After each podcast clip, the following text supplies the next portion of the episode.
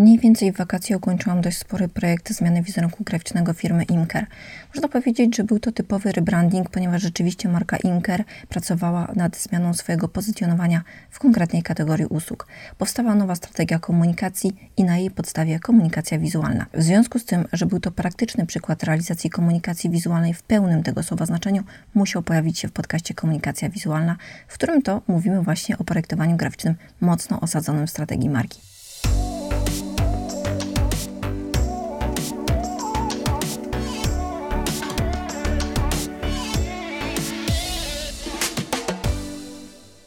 Aby przedstawić ten projekt całkowicie obiektywnie, zaprosiłam do rozmowy Ewę Bartnik, która koordynowała rebranding ze strony firmy Imker. Ewa wraz z Krzysztofem Bartnikiem prowadzi firmę, której zakres usług jest dość szeroki, ale główną i pierwotną usługą jest fulfillment, czyli usługi dopełniające dla branży e-commerce. Firma Imker stoi za sukcesem logistycznym gigantycznych wysyłek premierowych takich pozycji jak Finansowa Forteca Marcina Iwucia, to jedna z najnowszych premier, czy Finansowy Ninja Michała Szafrańskiego, jedna z pierwszych premier. Z Ewą rozmawiam na temat całego procesu zmiany identyfikacji wizualnej z uwzględnieniem tematu strategii komunikacji. W tej rozmowie bardzo interesowała mnie perspektywa klienta na różnych etapach, od potrzeby zmiany przez wybór wykonawcy do finalizacji i wdrożenia projektu.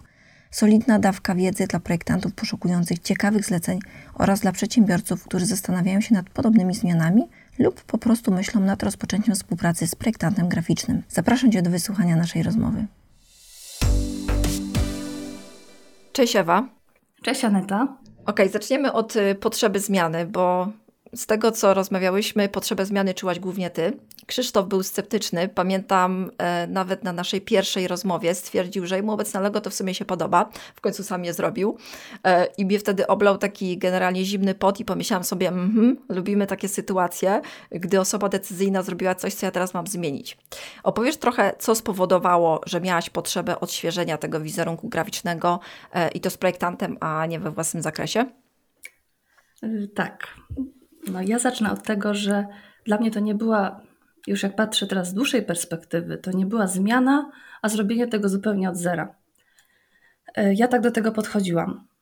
E, oczywiście przy założeniu mm, mówiliśmy to też podczas rozmowy, że to będzie tylko taki troszkę lifting. Mm-hmm, no, mm, poniekąd tak to wyszło, ale jest to, nie, po, nie powiem, że to jest drobny lifting, tylko bardzo duży. E, Krzysztof e, jak najbardziej stworzył poprzednie logo samodzielnie, na zasadzie oczywiście prostego doboru czcionek na tyle, na ile potrafił, na ile zresztą mieliśmy wtedy potrzebę. E, a teraz potrzeba zmiany wynikła z rozrostu firmy przede wszystkim. Szykowaliście się generalnie do tego, żeby troszeczkę rozszerzyć działalność i też pod kątem usług i żeby to wszystko ustrukturyzować i tak dalej ale no równie dobrze, no przecież wiele firm w ten sposób funkcjonuje. Dalibyście radę ze starym znakiem i gdzie był ten motyw taki, który Was skłaniał do tego albo Ciebie, że jednak to powinno być inaczej trochę? Wiesz o co mi chodzi? Tak, powodów y, było na pewno kilka. Y, ja się z tym znakiem czułam o tyle źle, że widziałam jego y, no, taki brak użyteczności. Wielokrotnie próbowałam robić jakieś materiały, czy nawet drobne grafiki, czy samodzielnie, czy komuś to zlecałam. To mm, ten grafik bardzo się z tym męczył. Jak miał zrobić jakąś ulotkę, nie szło tego rozmieścić. No, Generalnie mieliście problem z pozycjonowaniem tego znaku też na przykład w różnych, na różnych materiałach reklamowych, tak? Tak jest. Ale warto może zacząć od tego, że my się bardzo mało reklamowaliśmy. Imker od początku działał w taki sposób, że polegaliśmy głównie na poleceniach klientów dotychczasowych lub na poleceniach znajomych. I właściwie w ogóle nie prowadziliśmy żadnego marketingu, nie robiliśmy żadnych reklam, żadnych y, działań promocyjnych nie prowadziliśmy. I dopiero od czasu, kiedy zaczęliśmy te usługi trochę bardziej promować, no, pojawiła się potrzeba posiadania jakichkolwiek takich zasobów graficznych, które moglibyśmy mhm. tutaj wykorzystywać. Do tej pory mieliśmy tylko tak naprawdę proste t-shirty i polary dla pracowników, taśmę, na której było samo logo i mhm. E, ten znak też był na jakichś tam czasem na jakichś dokumentach firmowych, na samochodach, ale w takiej bardzo prostej formie. Właściwie nic się nie dało z tym innego zrobić. Nie mieliśmy też żadnych no teraz już wiem, że to się nazywa klucz wizualny, ale wtedy nie mieliśmy żadnych takich motywów, które moglibyśmy sobie zastosować w takich materiałach, które byłyby jakoś rozpoznawalne i które by nas wyróżniały, czy na tle konkurencji, czy ogólnie w gąszczu mm, tych innych materiałów promocyjnych.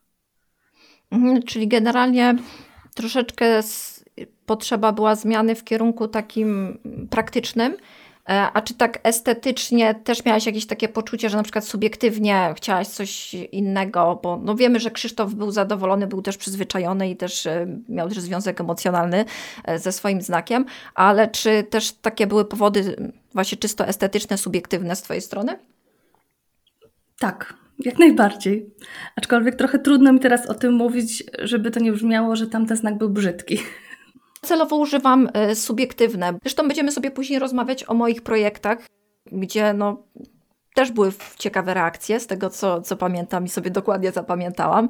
E, I tak to wygląda, że no, mi się może coś podobać, tobie może się nie podobać. I tutaj jest ta sama sytuacja, bo jeżeli ja mam określić z mojej strony subiektywne odczucia do znaku, który przyszło mi zmienić, to było takie, że okej, okay, ja może coś tam bym zmieniła, ale porównując do różnych grafik, z którymi miałam styczność, które były robione amatorsko, to tutaj nie można było się do wielu rzeczy przyczepić, tak? Dlatego, że było to zrobione równo, schludnie, estetycznie i tak dalej, i tak dalej, nie? Także jakby tak y, od mojej strony to, to naprawdę moim zdaniem to było trudne zadanie, tak?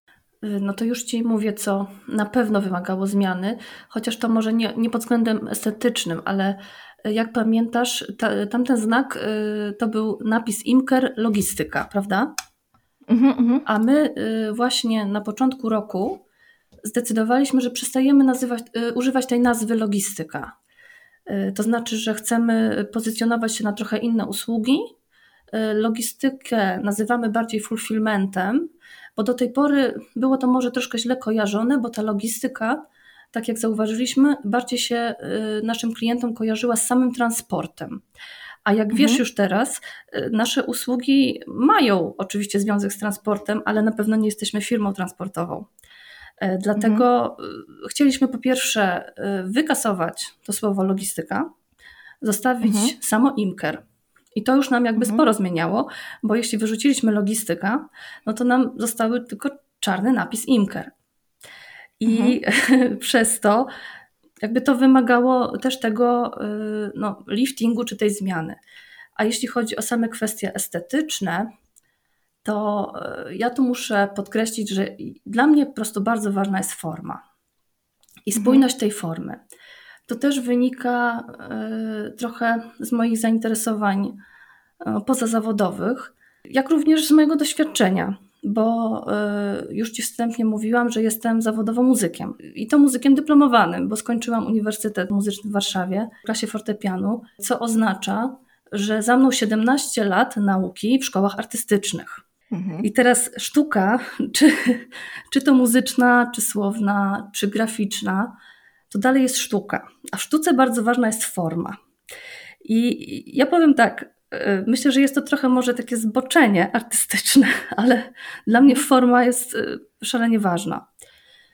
Y, wcześniej, powiem wprost, nie było możliwości budżetowych, żeby o tą formę zadbać. Jak te możliwości się pojawiły, to ja po prostu, no nie powiem, że jakoś się kogoś pytałam, tylko zapowiedziałam na zebraniu naszego tutaj zespołu zarządzającego, że tutaj taki projekcik wpadnie, nieduży, to będzie taka zmiana w ogóle identyfikacji wizualnej, bo uważam, że logo trzeba odświeżyć. No więc my tak delikatnie staramy się do tego podejść, ale chodziło mi o ogólnie zmianę tego, jak obudowujemy swoją markę po prostu. Pięknie powiedziane. To chyba możemy przejść do wyboru wykonawcy. Na moje oko to sobie pomyślałam, że przecież wy znacie mnóstwo influencerów, którzy przecież korzystają z usług projektantów. Krzysztof mógł zadzwonić e, na przykład, nie wiem, do Michała i powiedzieć, słuchaj, daj mi namiar do tego twojego grafika i tak dalej, i tak dalej. Jednak zrobiliście takie trochę swoje rozpoznanie. Na Facebooku padło pytanie, zgłoszeń było sporo. Opowiedz, jak wyglądał ten proces wyboru wykonawcy? Myślę, że ta informacja może być naprawdę dosyć intratna dla projektantów i też dla innych przedsiębiorców, jak właśnie takiego wykonawcę sobie znaleźć. Dla mnie decyzja była od początku prosta. a za chwilę Ci powiem dlaczego. Natomiast nawiążę do pierwszej części pytania, bo to wcale nie jest tak, że jak znamy dużo mm, influencerów, to że oni mogą nam polecić podwykonawców. Jak się okazało, mało kto jest zadowolony z, z osób, z którymi współpracuje w zakresie prac graficznych czy y, nawet wydawniczych. Powiem szczerze, że ilekroć nie pytamy kogoś, o fajne macie tutaj coś, polećcie mi, to albo ten specjalista, bo to niekoniecznie musi być grafik, to może być, nie wiem, człowiek od pisania tekstów, czy od składania książki, to może być też y, specjalista od drukowania książki. Ilekroć prosimy o polecenie, to jeśli jest to ktoś naprawdę dobry, to najczęściej jest niedostępny, bo ma mhm. terminy z góry na cały rok już zapełnione. Jeśli poleca nam kogoś innego, to rzadko kiedy ta osoba spełnia standardy, a bardzo dużo osób jest po prostu niezadowolonych ze współpracy, no z grafikami, tak powiem szeroko. I nie ukrywam tutaj, że jak zapytałam Krzysztofa, no bo oczywiście go najpierw zapytałam, czy osoby, które do tej pory projektowały nam różnego rodzaju grafiki, mogą się tym zająć. No to stwierdził, że nikt z nich się tego nie podejmie, dlatego że oni się specjalizują raczej w takich drobnych pracach albo w e, pracach związanych na przykład czysto grafiką webową, projektowaniem mhm. landingów na przykład, projektowaniem y, jakichś tam materiałów reklamowych, że każdy się w czymś specjalizuje. A jak usłyszeli o takim dużym zadaniu, które dodatkowo wymaga pracy takiej koncepcyjnej, no bo mi na przykład na tym bardzo zależało, to nie było chętnych, powiem wprost. Dlatego postanowiliśmy poszukać po prostu wśród znajomych na Facebooku, licząc na to, że ktoś nas, nam po prostu kogoś poleci. Teraz y, czym się kierowaliśmy przy wyborze? Powiem szczerze, mhm. że y, chyba się y, w końcu umówiliśmy na dwie albo trzy rozmowy. Pierwsza rozmowa była z tobą, później były chyba jeszcze jedna albo dwie. Już dokładnie nie pamiętam, bo też tam były sytuacje w rodzaju, że ktoś się zaoferował, a później przestał odpisywać. To w ogóle jest dla mnie też niezrozumiałe, że ktoś się zgłasza, że chciałby tutaj w takim projekcie uczestniczyć, po czym się nie odzywa. No mhm. ale zdarzają się takie, takie sytuacje, więc to jest pierwsza porada dla projektantów. No, odpowiadajcie. Odpowiadajcie na wiadomości. Ale tutaj e, ja sobie zapisałam nawet takie trzy najważniejsze rzeczy, którymi się kierowałam. Od razu powiem, że w żadnej mierze na tym etapie nie brałam pod uwagę ceny. Brałam e, trzy rzeczy, to znaczy dostępność jako taka kluczowa, tak? no bo co z tego, że mamy fachowca wspaniałego, skoro on nie ma czasu przez najbliższy rok. Mhm. E, druga to było portfolio.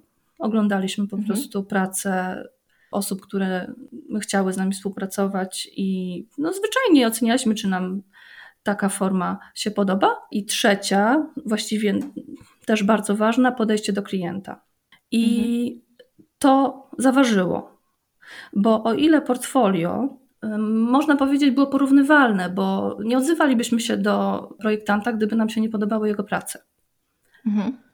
Ale jak już nam się podobają, no to co dalej, prawda? Czyli ten kontakt mhm. i to, że po prostu projektant słucha klienta. To u ciebie zaważyło, że ta rozmowa z tobą była od razu taka konkretna, że byłaś nastawiona na poznanie naszych potrzeb, też z poszanowaniem tego, co robiliśmy do tej pory, nie mhm. przekreślając, że oj, to jest do niczego, to wiecie, tam coś tam wam narysuję. No bo powiem szczerze, że druga rozmowa, którą mieliśmy następnego dnia po tobie, tak trochę wyglądała, że portfolio było porównywalne, od razu mówię, z naszego punktu widzenia, prawda? Z naszego punktu widzenia jako klienta to były porównywalne tam projekty, że nam się tak samo podobały. Ale dostaliśmy ofertę na zasadzie, aha, czyli chcecie zmienić logo, no dobra, a czym wy się w ogóle zajmujecie? Okej, okay, paczki, fajnie. No to wiecie co, dobra, to my wam podeślemy wycenę i potem jeśli się zdecydujecie, to za tydzień Wam podeślemy takie pierwsze trzy projekty do wyboru. Mhm. I to tak mniej no więcej to... wyglądało. No to rzeczywiście, jak na, zmian- na całą identyfikację wizualną i zmianę, zmiana wizerunku graficznego, to tak trochę mało. No właśnie, dlatego. Mało informacji przede wszystkim, tak jak dla mnie, żeby po takiej no, rozmowie bardzo mało przesłać i... projekty od razu. Y, ja też byłam bardzo zaskoczona, bo gdybym najpierw rozmawiała z nimi, a później z tobą, to pewnie by mnie to nie dziwiło. Ale skoro najpierw rozmawiałam z tobą i to po prostu było bardzo dużo zainteresowania, a co więcej, ty jeszcze nas naprowadzałaś, co my tak naprawdę chcemy, chociaż nie umiemy tego wypowiedzieć. A niestety no, inni graficy tak na to nie patrzą, tylko zero-jedynkowo, takie mam wrażenie. To znaczy, y, no tak, bo tam był jeszcze temat tego, że wy na etapie rozmowy ze mną nie mieliście strategii, nie? Tak jest. E, dlatego też tym bardziej nasza rozmowa była wydłużona, no bo jak klient nie ma strategii komunikacji, no to ja muszę się po prostu tego dowiedzieć klienta, o co generalnie chodzi, co my tak naprawdę będziemy komunikować te, tą komunikacją wizualną. No to tutaj ci przerwę, bo widzisz, ty się w ogóle zastanowiłaś, że coś to ma komunikować. Natomiast, tak jak mówię, inni podchodzą do tego często, no i z tym się właśnie zderzyliśmy, że ale w ogóle jaka komunikacja wizualna? Tutaj chodzi o to, żeby zrobić logo. Także w ogóle nie było mowy o żadnej komunikacji wizualnej. Być może ktoś jest po prostu tak mało wylewny i nie chciał mu się tego tłumaczyć, ale my tego autentycznie nie rozumieliśmy na tamtym etapie. No ale często tak jest w sumie, że jakby no, klient skąd ma wiedzieć, nie? Zwłaszcza jeżeli pierwszy raz y, przystępuje do współpracy tego typu, no to klient nie będzie wiedział, nie? I teraz w zależności od tego, na jakiego projektanta trafi, tak się wyedukuje, nie? Na, na dany temat. To prawda i właśnie dzięki temu, że nasza pierwsza rozmowa była tak ukierunkowująca, nazwijmy to sobie wprost, to y, ja dopiero wtedy zrozumiałam, co my tak naprawdę chcemy zrobić, że to wcale nie jest jakiś mały projekcik, y, że to nie jest tylko lifting i że tak naprawdę my robimy od zera identyfikację wizualną y, i nie tylko, ale też musimy zrobić sobie całą strategię komunikacji.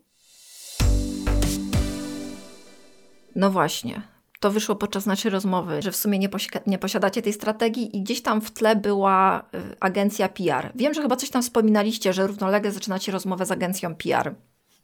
Tak jest. I była potem taka sytuacja, że jakby nie było to uściślone, czy wy będziecie robić jakąś strategię, czy po prostu rozmawiacie sobie na jakieś tam inne tematy z tą agencją PR.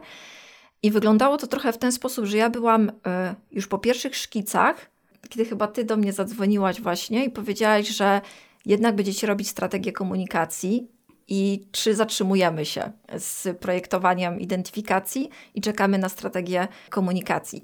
Ja stwierdziłam, że oczywiście kategorycznie zatrzymujemy się i czekamy na strategię komunikacji, bo to dla mnie było kluczowe i zastanawiałam się, jak to wyglądało z Twojego punktu widzenia, czy wtedy i jak to wygląda teraz. Czy rzeczywiście warto było się zatrzymać? Czy sobie wtedy pomyślałaś, że może niekoniecznie, że szkoda czasu? Jak to wyglądało u Ciebie? Mi na czasie nie zależało. Nie wiem, czy wyłapałaś, ale chyba tak, bo e, to był jakoś tak luty, marzec. Mhm. E, ja już jestem trochę nauczona doświadczeniem, że to, że my sobie planujemy takie rzeczy, że będą nowe layouty wszędzie, nie wiem, w maju, no to, to są mrzonki, prawda? Dlatego y, skoro ostatnia, y, nazwijmy to identyfikacja, trzymała się kilka ładnych lat, bo około chyba pięciu, no to mhm. możemy poczekać ten miesiąc czy dwa, prawda? Nikogo to nie zbawi. Po prostu wstrzymałam produkcję ewentualnych materiałów, a rzeczywiście rozmowy z agencją PR podjęliśmy w okolicach właśnie tak lutego marca, chyba na początku marca, bo to wtedy epidemia się zaczynała. Jakoś tak było, bo ja pamiętam, że potem jakoś do kwietnia, chyba po świętach e, mhm. zaczęliśmy, wznowiliśmy pracę nad identyfikacją tak, wizualną, tak, to jakoś tak wyszło. Ponad miesiąc nam to zeszło. W sumie to ja znowu tak od tyłu podeszłam do tematu, bo też nie miałam świadomości. Chcieliśmy wzmocnić po prostu swoją taką rozpoznawalność w social mediach. Nawet mhm. nie zależało nam na tym, żeby jakoś się tak rynkowo gdzie indziej pozycjonować, tylko zależało nam na tych social mediach, E, a to z takiego powodu, że ogrom naszych klientów po prostu tam jest. Tak naprawdę można powiedzieć 95% naszych klientów na tych social mediach jest, więc no skoro oni tam są, to i my tam powinniśmy być. E, nasze poprzednie próby jakby prowadzenia regularnego tych, czy tam fanpage'a, czy Instagrama, jakoś tak się rozeszły, powiem szczerze. Nie bardzo było się e, komu tym zająć. Bo no, my jak zwykle nie mieliśmy czasu, poza tym znowu też trzeba było mieć jakieś grafiki i tu się jakby -hmm. kółeczko zamyka. No i ja pomyślałam, że kurczę, to akurat jest taki temat, że my, my musimy tam być. No to podjęłam rozmowy właśnie z tą agencją trofejną mhm. konkretnie mhm. i też powiem szczerze, nie szukałam nigdzie indziej, bo akurat mhm. z nimi już e, współpracowaliśmy w poprzednim roku przy akcji Dzień Darmowej Dostawy, której też Krzysztof jest e, inicjatorem. No i mhm. mieliśmy już jakieś tam doświadczenia z nimi, fajnie nam się jakoś tak krótka, co prawda współpraca, ale fajnie się układała. Więc stwierdziliśmy, że nie będziemy szukać, a oni z kolei też są wyspecjalizowani w takich nowych technologiach, w jakichś tam rozwiązaniach e-commerce'owych, więc stwierdziliśmy, że skoro jest na talerzu tak naprawdę fajny partner do takich działań, no to długo się nie zastanawialiśmy i, i właściwie to tutaj nawet nie braliśmy pod uwagę innych agencji. I oczywiście ja wyszłam z zapytaniem, że chcielibyśmy prowadzić fanpage na Facebooku, no i tego Instagrama może i tam jeszcze LinkedIn. Mhm. No i też mnie tutaj dziewczyny wy musiały wyprowadzić troszeczkę z mojego takiego wąskiego myślenia, bo one z kolei, tutaj mam na myśli Magdę Górak w szczególności, ale też y, Ulę Pietrzak, która obsługuje nas na bieżąco y, w Profejnie, wyprowadziły mnie z takiego myślenia, że my sobie fanpage zrobimy. No bo co my na tym mhm. fanpage'u będziemy komunikować? Znowu o tej komunikacji, nie? Co my będziemy komunikować? I ja tak wtedy, o masz ci los, kurczę, następna. No i trzeba było to wziąć na klatę. Także Magda mówi oczywiście, no fajnie, oczywiście fanpage poprowadzimy, wszystko zrobimy, ale musi być strategia. No, no i znowu z tą strategią. No, no i robiliśmy tą strategię. I stąd się ta strategia wzięła. E, I powiem szczerze, że o ile no, ja jestem cierpliwa do takich rzeczy, bo Krzysztof to by podejrzewam nie zrobił tej strategii, bo on by stwierdził, że on lepiej wie. No właśnie, wiesz co, zastanawiam się, jak to wygląda z punktu widzenia takiej osoby, która no w sumie całą firmę założyła. Do tej pory przecież działał, rozwijał się i tak dalej, i tak dalej. Znaczy cała firma się rozwijała, no ale powiedzmy, że on ją założył, czy, czy razem z tobą, bo w sumie nie wiem, nie jestem aż tak bardzo wdrożona, ale gdzieś tam um, ciągnął tą firmę. I potem przychodzi taki moment, że ktoś mu mówi, że w zasadzie, ale to wypadałoby zrobić strategię. I jak to od środka widać? Jak, jak, jak, jak firma na to reaguje? Czy właśnie założyciel, że do tej pory było wszystko super, a teraz ja mam jakąś strategię robić? Wiesz co? To są ciężkie tematy. Dawaj, najwyżej wytniemy. No to zacznę od tego, że owszem, Krzysztof tworzył firmę, ale y, no ja też mu cały czas pomagałam.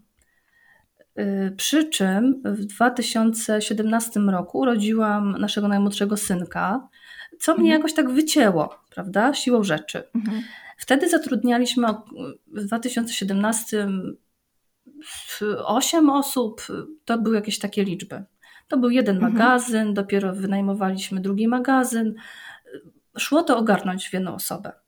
Dopiero jakoś tak pół roku później po takim pamiętnym grudniu, no bo to grudzień zawsze w naszej branży jest najbardziej obfity w pracę, mhm. kiedy Krzysztof po prostu nie dawał rady już fizycznie, bo tyle godzin pracował, no stwierdziliśmy, że musimy to zmienić, więc ja po prostu do tej firmy przyszłam i też zaczęłam e, w niej pracować.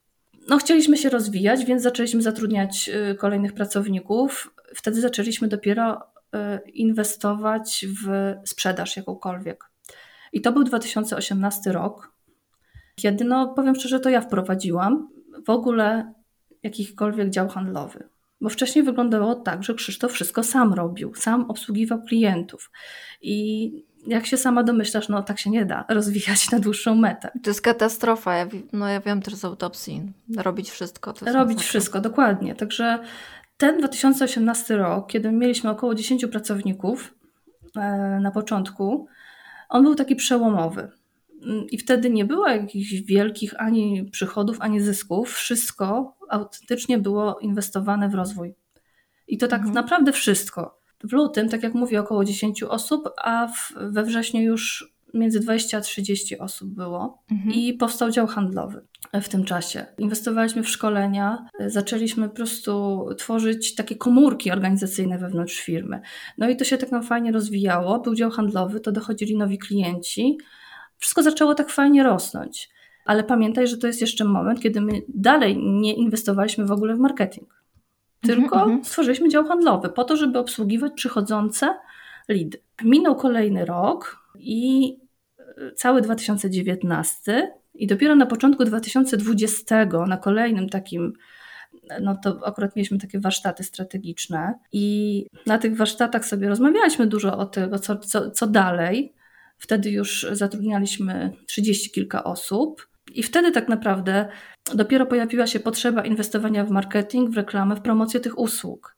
Ale żeby je móc promować, żeby je móc komunikować, no to trzeba było je opisać. Żeby je opisać, to też trzeba te narzędzia było zdobyć. I wiesz, no to było wszystko po prostu takie budowanie, można powiedzieć, od zera. I tak jak e, w 2018 budowaliśmy strukturę, budowaliśmy sprzedaż, tak teraz budujemy dopiero marketing i tą właśnie e, komunikację. No i ty wskoczyłaś tam właśnie na początku 2020, tak jak i wskoczyła Profeina ze swoją strategią.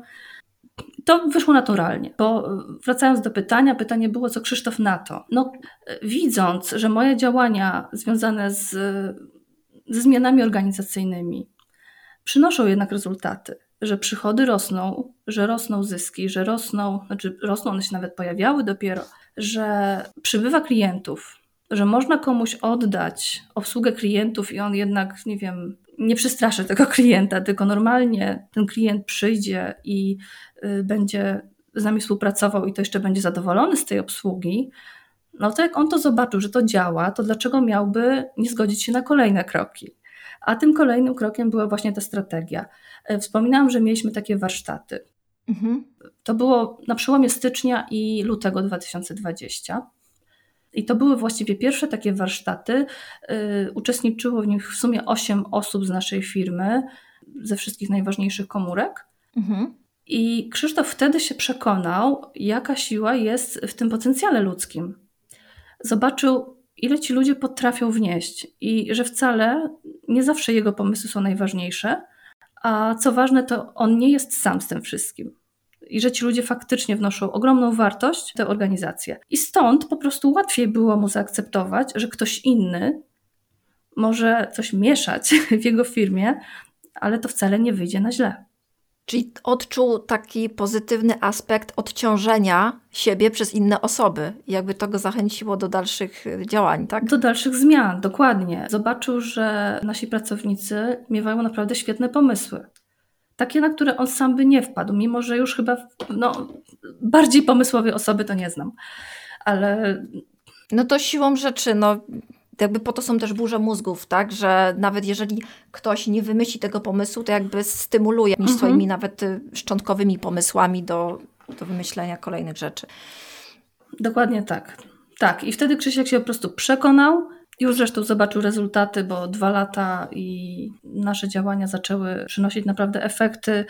Wszelkiego rodzaju szkolenia dla pracowników no, sprawiły to, że oni też byli bardziej tacy pewni siebie w tym, co robią. Nie bali się też proponować nowych rozwiązań. To sprawiło, że mogliśmy ruszyć dalej i właśnie stworzyć coś takiego na poziomie całej firmy, a nie tylko w głowie właściciela.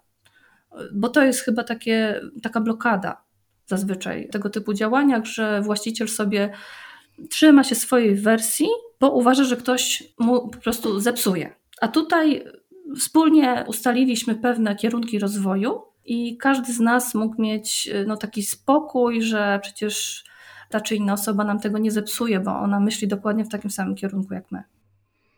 Ale to też jest e, ten temat, jak rozmawiałam w jednym podcaście że ze strategiem z panem Maciejem, że często tak jest, że firmy, które nie mają strategii, to tak naprawdę nie jest tak, że te firmy nie mają tej strategii, tylko często ta strategia jest w głowie założyciela, właściciela i tak dalej. I potem jest taki problem, że jeżeli ten właściciel, założyciel za nie może z jakichś powodów, y, niekoniecznie to musi być y, coś najgorszego, ale może być potrzeba urlopu, e, choroby czy czegokolwiek, to zaczyna się robić problem, bo nie ma kto podjąć jakichś takich najprostszych decyzji, bo ta strategia jest tylko i wyłącznie w głowie tego właściciela. No a w tej sytuacji, kiedy wy macie przerobione warsztaty, kiedy każdy wie i czuje, czym jest firma i w jakim kierunku ona idzie, to sytuacja się zmienia na korzyść. No zdecydowanie, zdecydowanie i to niesamowicie działa tak stymulująco na ludzi. Oni zaczynają nagle widzieć, że ich zdanie ma znaczenie i że to ma przełożenie na codzienność tej pracy. Także to jest bardzo, y, bardzo wartościowe. Y, jeszcze o tej y, strategii mhm. mogę powiedzieć to, że my tutaj też właśnie włączyliśmy zespół do pracy. Bo pamiętam, że jak rozmawiałyśmy na początku, to mówiłaś, mhm Chyba ty to mówiłaś, że tutaj mm, o, wycena będzie zależała od liczby osób decyzyjnych. Coś takiego tam e, kojarzę. O, ścieżkę, o, o ścież, ścieżka decyzyjna, tak? Bo, mm, Było coś takiego. Znaczy, że, może, że może zależeć, tak. No bo, ale to o tym możemy sobie rozwinąć, jeśli chodzi o projekty graficzne. Myślę, że to też wyszło podczas naszej współpracy, mhm. ale to y, później. Ale możesz, y, możesz powiedzieć o tym, co chciałaś powiedzieć o tym zespole. Wiesz o co mi chodzi, że strategia, y, jak ją tworzyliśmy, no mogliśmy ją zrobić w sumie sami z Krzyśkiem i z Magdą Górak, prawda? Mhm. Ale Krzysiek nie bardzo tak był chętny, no bo on by nam zaraz torpedował nasze pomysły, bo miał, tak jak mówisz, w głowie swój styl, swój styl prowadzenia biznesu. Ja natomiast chciałam to tak bardziej na innych ludzi przełożyć, tak żeby nasi pracownicy też czuli się częścią tej firmy i żeby czuli, że ich zdanie ma znaczenie bo później na co dzień to oni obsługują klientów, i to oni realizują te cele, które sobie firma stawia, a Krzysztof tak naprawdę nie jest w stanie nad każdym stać i mu mówić, prawda, co on ma robić. Mhm, Dlatego mhm. to było takie ważne, żeby włączyć zespół do tych prac. E, no ja tutaj ograniczyłam się oczywiście, nie, nie brałam wszystkich pracowników, ograniczyłam się do zespołu handlowego, do dwóch osób bo oni mają z kolei najbardziej taki bliski kontakt z klientem i mają też kontakt z innymi pracownikami, którzy pakują przesyłki, którzy nadają etykiety, y, mają też dużo kontaktu z działem obsługi klienta.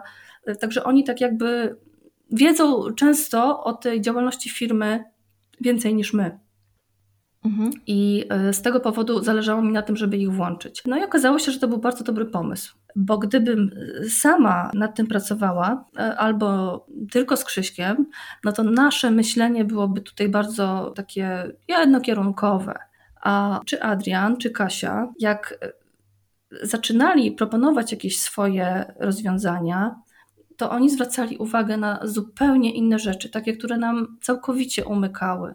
Dla nas one były nieistotne, a okazywało się, że no, dla klienta to jest podstawa. Prawda? Bo tutaj dochodzimy też do tego mhm. tematu, że taka klęska wiedzy. Jeśli my o swoich usługach wiemy wszystko i tworzymy je od początku, no to co my mamy komunikować? Y, to się wydaje takie oczywiste, tak. rzeczy, które dla innych są jakby z kosmosu, dla was są oczywiste i się wydaje, po co to mówić. No właśnie. A oni wtedy zaczęli zwracać uwagę raz na to, co klienci zgłaszają, kiedy się z nimi kontaktują po raz pierwszy, kiedy muszą tłumaczyć te usługi krok po kroku, na czym polegają, ale jeszcze jeden ważny element takie podejście samych pracowników, bo nasza organizacja jest dość młoda. I tutaj są ludzie, którzy pracują, niektórzy 4-5 lat, no ale to są jednostki. Większość pracuje rok, no maksymalnie dwa lata. I pamiętajmy, mhm. że takie osoby nie mogą wiedzieć, jak my to robiliśmy w 2015 roku i z czego wynikają pewne decyzje, że coś robimy tak, a nie inaczej. Oni wchodzą w jakimś punkcie już w jakąś taką zorganizowaną grupę i widzą tylko to, co widzą. No i też mi zależało na tym, żeby widzieli to tak, jak wynika z tych naszych kilkuletnich przemyśleń, żeby to, co w naszych głowach gdzieś tam kiełkowało, żeby też miało przełożenie na codzienność w tej firmie. Okej, okay. myślę, że strategię komunikacji mamy tak ogarniętą. Ja bym chciała jeszcze cofnąć się do takiego, do tematu, bo w sumie ta strategia nam zahaczyła o proces wyboru e, projektanta i przeskoczyłam trochę, żeby właśnie dokończyć ten temat komunikacji, a chciałabym jeszcze wrócić do kwestii pieniędzy, bo powiedziałaś, że przy wyborze projektanta nieszczególnie kierowałaś się wycenami. No ale podejrzewam, że też y, pieniądze całkowicie no, nie mogły nie mieć znaczenia. I zastanawiam się, jak ty się w ogóle jako klient, jako firma, która korzysta z usług projektantów, jak się czujesz z wycenami od projektantów, które są takie trochę, hmm, jakby to powiedzieć, płynne, nie ma jakiegoś y, jednego punktu odniesienia. Jest raz, że to jest usługa dedykowana, dwa, że rozstrzał cen jest gigantyczny na rynku. Możesz coś na ten temat y, powiedzieć? Oj. No temat jest, to jest temat rzeka. Tak, to jest temat rzeka, zwłaszcza wśród projektantów, bo oni raz, że mają troszeczkę problem w ogóle, żeby sami wycenić swoją pracę, to jest jeden temat, ale nawet jeżeli to ogarną, to jest znowu zdarzenie się z klientem, a też stopień akceptowalności stawek jest też rozrzut w tym jest gigantyczny. Nie? Dla jednych mhm. 1000 zł to jest tanioszka, dla innych to jest cena nie do przeskoczenia. Mm, mamy w ogóle ceny pomiędzy, na przykład za identyfikację wizualną, to są ceny od kilkuset złotych do kilkudziesięciu, kilkuset tysięcy. Nie? Dlatego y, no jestem ciekawa, mhm. jak, to, jak to z Waszego punktu widzenia wyglądało. No, na pewno jakieś widełki przyjmowaliśmy. Nie wiem, czy tutaj powinnam mówić o tych widełkach, bo jednak na jakąś kwotę się umówiłyśmy. Znaczy, wiesz, nie musimy mówić konkretnie kwot, bo powiedzmy jest to nasza sprawa między nami, za, za jaką kwotę my współpracowaliśmy, natomiast rząd cen, o rzędzie cen możesz mówić. No to rzeczywiście y, wyceny, które dostaliśmy, one były takie do, rzeczywiście do kilkudziesięciu tysięcy niektóre. Do tej pory, y, jak współpracowaliśmy z grafikami, to ja raczej byłam przyzwyczajona do takich y, stawek za projekt, tak to nazwę, między 500 a powiedzmy 2,5-3 tysiąca złotych.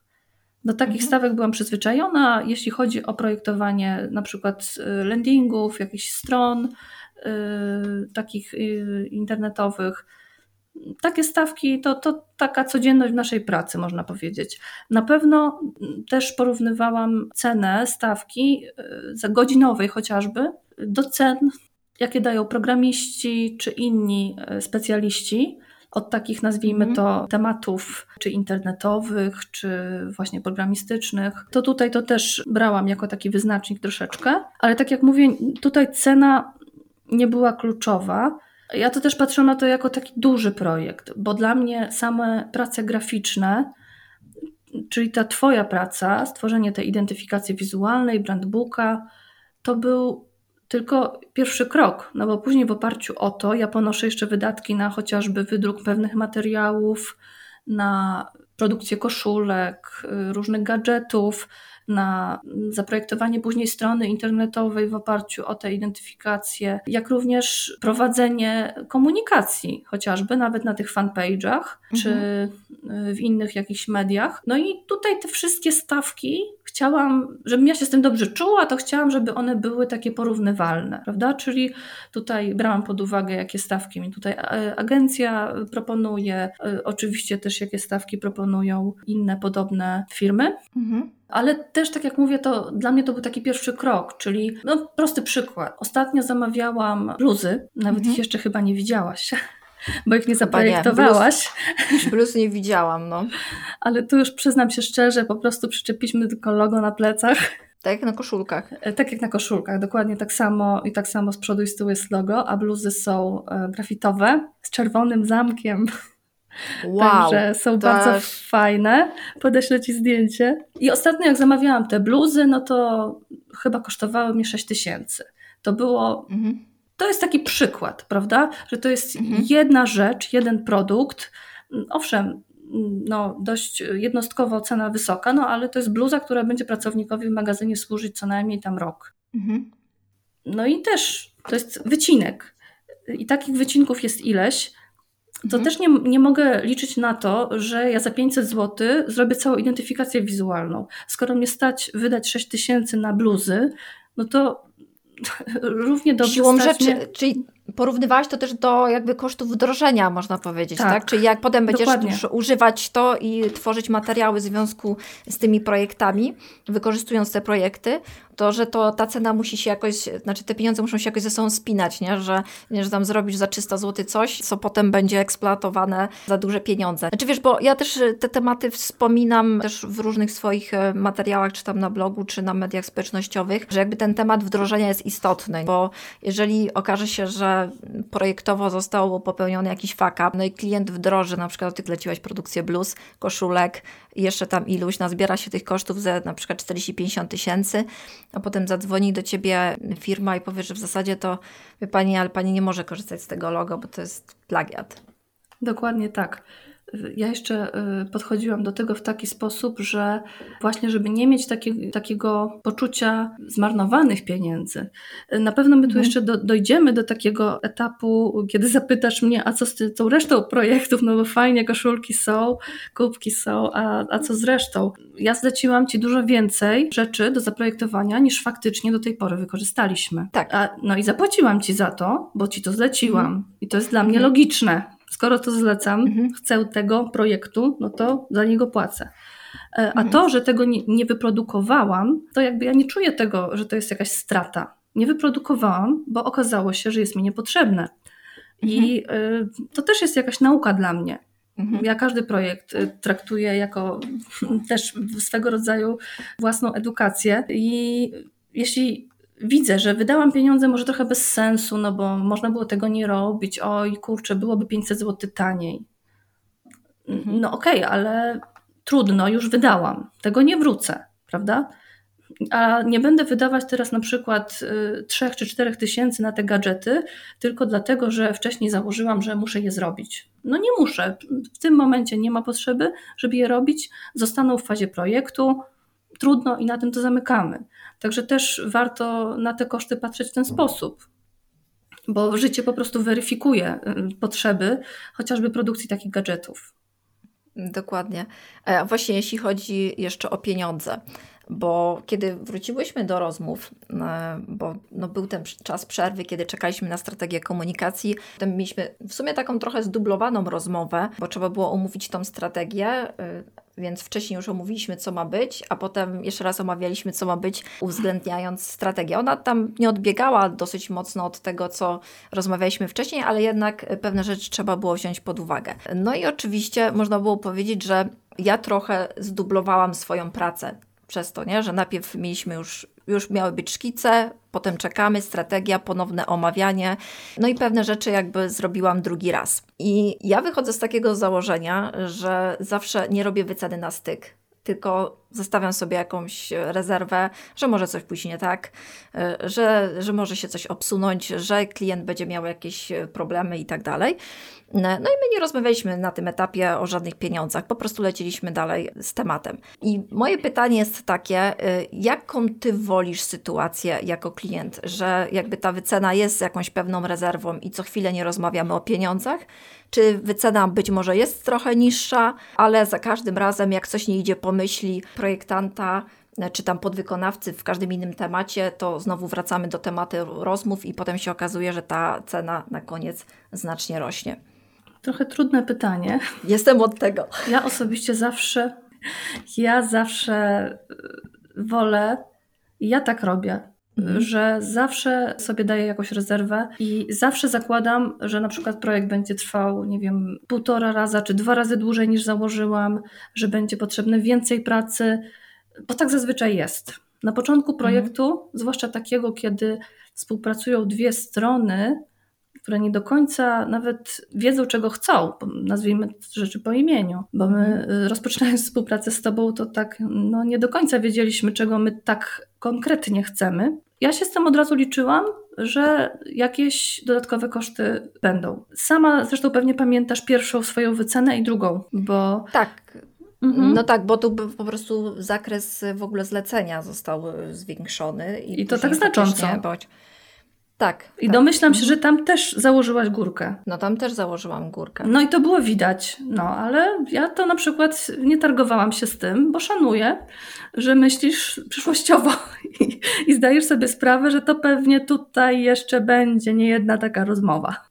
No i w porządku. E, tak, no właśnie. No tak, bo to jest e, z mojego punktu widzenia, to też może się przyda innym osobom. Zdecydowanie lepiej jest e, jakby nastawić klienta na, no, no już na maksa, tak? A nie na takiej zasadzie, że e, on się nastawia na jakiś budżet. Ja też wychodzę z założenia takiego biznesowego, no, że klient musi założyć budżet.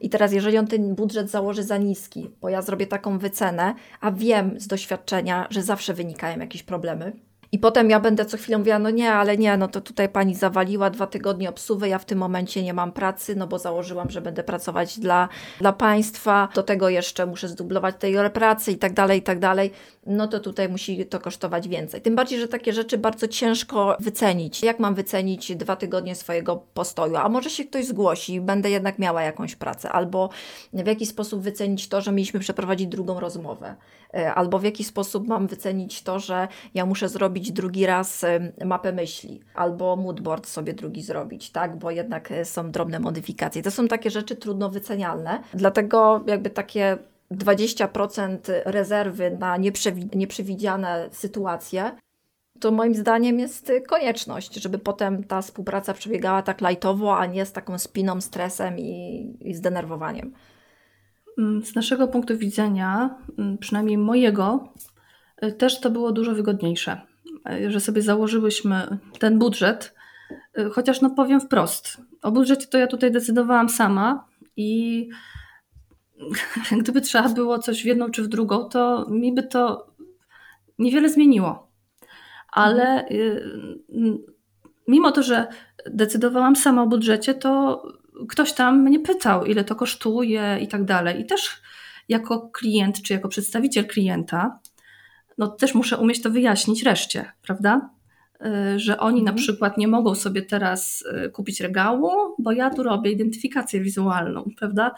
Tak po prostu czasem jest, prawda, że też osoba po stronie klienta musi przed kimś odpowiadać i musi umieć wyjaśnić skąd te koszty. I jakby ten budżet się tak zmieniał co chwila, to znowu ktoś by musiał się tłumaczyć. Mówię ktoś hipotetyczny, bo ja akurat nie musiałam, ale gdybym to mhm. zleciła, przypuśćmy, swojemu pracownikowi i on by mi przyniósł mhm. fakturę wyższą, albo musiałby mnie pytać co tydzień, a czy można tutaj 500 zł więcej, czy nie, to ja bym go zawsze prosiła o uzasadnienie, ale za co? I on by się musiał produkować, prawda? Znowu ciebie pytać, y, mi przekazywać, ja bym musiała się też wypowiedzieć, no bo, no bo przecież tak bez tego to nie przejdzie. Y, powiem szczerze, mi by to bardzo komplikowało zupełnie niepotrzebnie. Powiem szczerze, przy takim projekcie, zresztą przy każdym innym, to uważam, że ten etap przygotowania y, na, niego, na nim nie warto oszczędzać, po prostu. Ten, dlatego nie warto żałować rozmów, nie warto y, chociażby się, nie wiem, targować, że oj, tutaj my tu coś tam pod, podeślemy, może bez tej konsultacji się obędzie, to będzie troszkę taniej. No, dla mnie to jest bez sensu całkowicie. Im lepsze przygotowanie, tym zawsze lepszy efekt końcowy i to się uważam sprawdza w każdej dziedzinie, nie tylko przy takiej współpracy. No i jeszcze dalej, jeśli chodzi o te pieniądze, to łatwiej jest po prostu prowadzić taki projekt czy ja bym się nie zdecydowała, gdybyś y, mi powiedziała nawet te, nie wiem, 500 zł w tą czy w tą? Powiem szczerze, dla mnie nie byłoby różnicy, bo ja nie z powodu ceny zdecydowałam się na współpracę. No właśnie, a jeśli chodzi o etap y, przygotowania i czas, bo tutaj poruszyłaś w sumie bardzo istotny wątek. No, my nie, szczędzi, nie szczędziliśmy na to, ile trzeba było rozmów, tyle przeprowadziliśmy. I tak podsumowując, bo ja sobie na początku to jeszcze zapisywałam, dopóki nie wpadłam w szał twórczy, to sobie robiłam ewidencję, później już tak, później jak już wpadłam w szał twórczy, to już nie zapisałam każdej godziny siedzenia, ale do momentu, Może lepiej. E, do momentu podpisania umowy, czyli kiedy umowa do mnie przyszła od Was i mogłam rozpocząć pracę, to na projekcie spędziłam dokładnie 15,5 godziny. Czyli zanim postawiłam pierwszą kreskę, 15,5 godziny, to było no, pisanie briefu dla Was, rozmowy wszystkie, przygotowanie umowy, jakieś tam wszystkie moje rozkminy, analizy i tak dalej. To było 15,5 godziny, żeby dopiąć współpracę. E, I myślę, że to jest istotna informacja też właśnie, zwłaszcza dla początkujących projektantów, E, że ten czas, zanim się postawi pierwszą kreskę, jest dosyć istotny, e, a często pomijany, bo często projektanci robią tak, że e, no ile mi zajmie zrobienie tego? No 3-4 godzinki, wyceniają te 3-4 godzinki siedzenia przy komputerze. No a niestety zanim się zacznie rysować i siedzieć przy komputerze, to ten czas też leci. No i w sumie to potem się kumuluje na koniec miesiąca i się okazuje, że jakoś tak słabo się zarobiło, bo wszystkie te, ten czas i ta praca około projektowa y, nie zostaje zliczona, nie? Także myślę, że te 15,5 godziny, w ogóle no u nas, y, no ja w ogóle nie szczędziłam, bo to był duży projekt, myślę, że tak 10 godzin e, trzeba sobie zawsze policzyć e, na, na dopięcie w ogóle współpracy.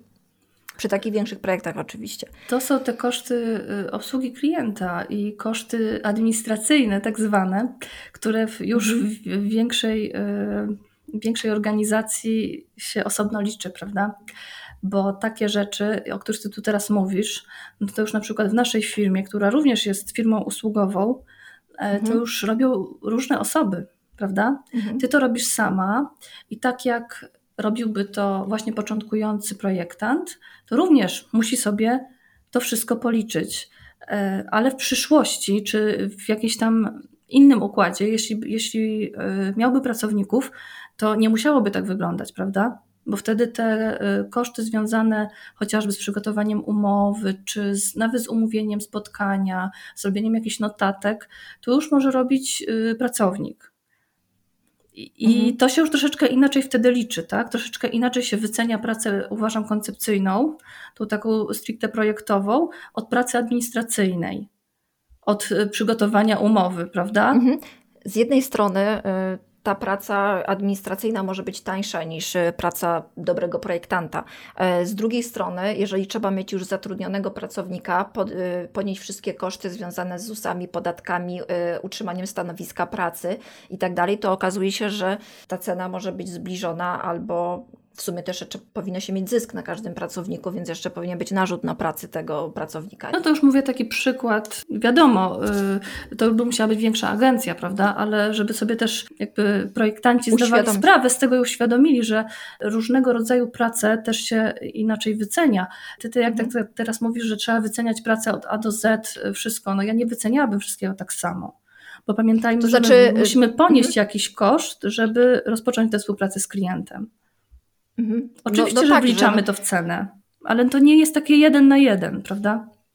No nie jest, nie jest. No, można byłoby rozdzielać, że praca administracyjna ileś tam, projekty ileś tam, no ale no gdzieś tam dla mnie kluczową informacją jest to, że po prostu należy to brać pod uwagę. Mhm. No w dużym uproszczeniu na pewno tak. W dużym, w dużym uproszczeniu po prostu, żeby wziąć pod uwagę te prace okołoprojektowe, obsługa klienta, administracja i tak dalej.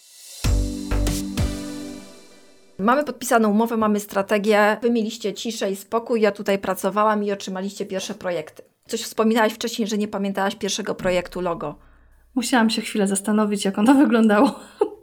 Okej. Okay. Generalnie jak ja stworzyłam sobie ten pierwszy projekt, to po pierwsze sobie pomyślałam, że jest dobre i ogromnie ryzykowne. Ja z góry przewidywałam uwagi, jakie w sumie i tak później dostałam ale pomyślałam sobie, że co mi szkodzi, zaryzykuję. No i otrzymujecie tego maila z tą prezentacją. No. I co sobie myślicie? Co sobie myślimy? No ja to sobie pierwsze co myślę sobie, co Krzysiek pomyśli. Szczerze, to była moja reakcja. E, wiedziałam, że mu się nie spodoba. A to było dość kluczowe, żeby mu się jednak choć trochę podobało. E, bo tak, tutaj wrócę trochę do strategii komunikacji jednak bo nie skończyłyśmy mhm. tego wątku tak naprawdę, tylko troszeczkę odbiłyśmy od tematu. Y, jak tworzyliśmy strategię, to właśnie nasi pracownicy zwracali uwagę na zupełnie inne aspekty naszej działalności niż ja. To było dla mnie z jednej strony odkrywcze, a z drugiej trochę takie zaskakujące, bo ja tak bardziej szłam w takim kierunku mm, różnorodności usług, w ogóle sky is the limit, wszystko możemy zrobić. A oni jakoś tak skupiali się na takich przyziemnych sprawach. No i potem bardzo mi to tak dało do myślenia, że przecież oni codziennie pracują, są na etacie, zupełnie inaczej podchodzą do tej firmowej rzeczywistości niż ja. I stąd w tej strategii się znalazło bardzo dużo takich elementów, których ani ja, ani Krzysiek byśmy w życiu tam nie wstawili. Takich związanych właśnie z takim wspieraniem klienta, Pamiętasz te, te mapy myśli, prawda? Tak. Co tak, tam tak. było? My byśmy sami tego w życiu nie wstawili. My byśmy się tylko skupili na tym, prawdopodobnie, że, to jest nowoczesne, super w ogóle rozwiązanie e-commerce'owe i, i w ogóle wow, tak? I że dzisiaj jest takie, jutro będzie inne, my się zmieniamy jak kameleon. No mhm. może dla nas i w naszych głowach to się wszystko tak szybko, fajnie dzieje. Ale co dociera do rynku, to jest druga sprawa. Mhm. I y, to, co dociera do rynku, co dociera do klienta, i co dociera do naszych pracowników. E, bo my tu sobie mhm. oczywiście mnóstwo projektów tworzymy, a oni realizują te usługi standardowe, codzienne. Oni się zajmują obsługą sklepów internetowych, Y, oni się zajmują właśnie obsługą self-publisherów i to jest ich, ich codzienność. Mhm. I oni bardzo dużo włożyli właśnie takich elementów, takich przyziemnych do tej strategii. No było z tego powodu strasznie tak smutno, że to ta strategia taka słaba jest. Ale też nas właśnie Magda Górak y, i Ula Pietrzak na, nakierowały, że słuchajcie, no ale to jednak to, co ludzie widzą, to jest istotne i to, co my im będziemy komunikować, my im nie możemy takiego miszmaszu podać na talerzu, tylko musimy jakoś tą uwagę zogniskować na te rzeczy, które nas wyróżniają. Mhm. I dla nas, powiem szczerze, to było dość trudne. I, I, po tej strategii, kiedy my jeszcze się tak biliśmy z myślami, że właściwie to ten obraz naszej firmy tak się tutaj trochę spłaszczył, jakoś tak umyka nam to, co najważniejsze. No takie mieliśmy trochę wrażenie. I mhm. dostaliśmy wtedy twój projekt, mhm. który też no, bazował na tej strategii, ale jak mówisz, jeszcze też tam dołożyłaś trochę od siebie. Mhm. I, I wyszło tak, powiem szczerze, no to był taki moment, to był taki moment takiego sprawdzenia, na ile my jesteśmy gotowi na zmianę. Mhm. E, no więc tak mm, przespaliśmy się z tym. Pokazaliśmy kilku osobom, e, pracownikom, no i w sumie nikomu się nie podobał. Taka to znaczy chyba nie było tak do końca, że się przespaliście. E, pierwszą rozmowę mieliśmy bez przespania. A, możliwe, ale to wiesz, nie licz tej pierwszej rozmowy. No i ta pierwsza rozmowa bez przespania była taka, że jakby to było wiadomo, że to logo nie przejdzie. Natomiast ja nie wiem na ile też byliście szczerzy. Natomiast wyglądało tak, że jakby ogólnie Wam się y, wyglądem podoba, tylko główny problem był z czytelnością tego znaku. Tak. Natomiast y, właśnie po przespaniu się, a głównie po rozmowie z pracownikami, mhm. to trochę było tak, że te uwagi od pracowników nie spinały się do końca jakby z wrażeniem, chyba zwłaszcza Krzysztofa, że jakby oni właśnie mocno stawiali na taką trochę bardziej łagodność i taką bardziej właśnie opiekę nad klientem a Krzysztof e, bardziej na taką nowoczesność, technologię. Agresywnie, Jakby to tak. też było, tak, to trochę bardziej agresywnie i to też było trochę e, widoczne w strategii, że jakby w strategii komunikacji też się jakby zderzały takie dwie rzeczy i to jakby trzeba było jakoś pogodzić. Mhm, tak. Z jednej strony jesteśmy nowocześni, innowacyjni, perfekcyjni, a z drugiej strony jesteśmy opiekuńczy, dbamy o klienta, łagodni yy, i tak dalej, i tak dalej. Gdzieś tam było to no tak, właśnie. że to były takie dwa archetypy się jakby z, ze sobą zderzały. ścierały i to zderzały i to trzeba było w jakiś sposób pogodzić. Ja, no, to tak, ja to tak zapamiętałam. No ja jedynie pamiętam z tamtego etapu właśnie to, że pracownicy zupełnie inaczej patrzyli na to niż my. Mhm. A szczególnie niż Krzysztof, bo ja jeszcze byłam taka otwarta na słuchanie ich zdania, chociaż Oczywiście do pewnych granic, bo wiadomo, że i tak później decyzję to ja podejmowałam w oparciu jeszcze o konsultacje z Krzyśkiem, ale jakby ustaliliśmy sobie tutaj jasny podział, że wypowiedzieć się może każdy, no ale decyduje ja, prawda? Także, także to mhm. też, y, no bo trudno jest podjąć decyzję w takich kwestiach. Bardzo trudno. Ale tutaj dobrze, że podjęłaś temat decyzyjności, bo w momencie, w którym e, ja mówiłam o liczbie osób decyzyjnych, to jakby nie miałam na myśli liczby osób, z którą ty sobie skonsultujesz ten projekt, bo to jest jakby jak najbardziej okej, okay, że można pokazać stu osobom. Natomiast najgorsza jest sytuacja, w której mamy powiedzmy dwie, trzy, cztery osoby, które mogą równolegle decydować, na przykład po 25%. Mhm. E, wtedy jest bardzo ciężko dojść do jakby tej ostatecznej wersji no, bo czasem powstaje w ogóle z tego Frankenstein, bo jak każdy dołoży swoje 5 groszy, to jakby nic z tego nie wynika. Natomiast jeżeli e, klient skonsultuje projekty z pracownikami, z osobami, z którymi ma ochotę skonsultować i potem to zbierze i wyciągnie sensowne, jednolite wnioski, które przekaże projektantowi, to jakby jest, ja mam wtedy do czynienia z jedną osobą decyzyjną. Mm, tak. Ja myślę, że tutaj akurat nie było z tym problemu, bo ja generalnie nie mam problemu z podejmowaniem decyzji. Od tego zacznijmy. Dwa, że Krzysztof mi ufa na tyle, że ja mu nie zepsuję. I też skoro było ustalone, że ja mam decydować, no to ja mogłam decydować faktycznie.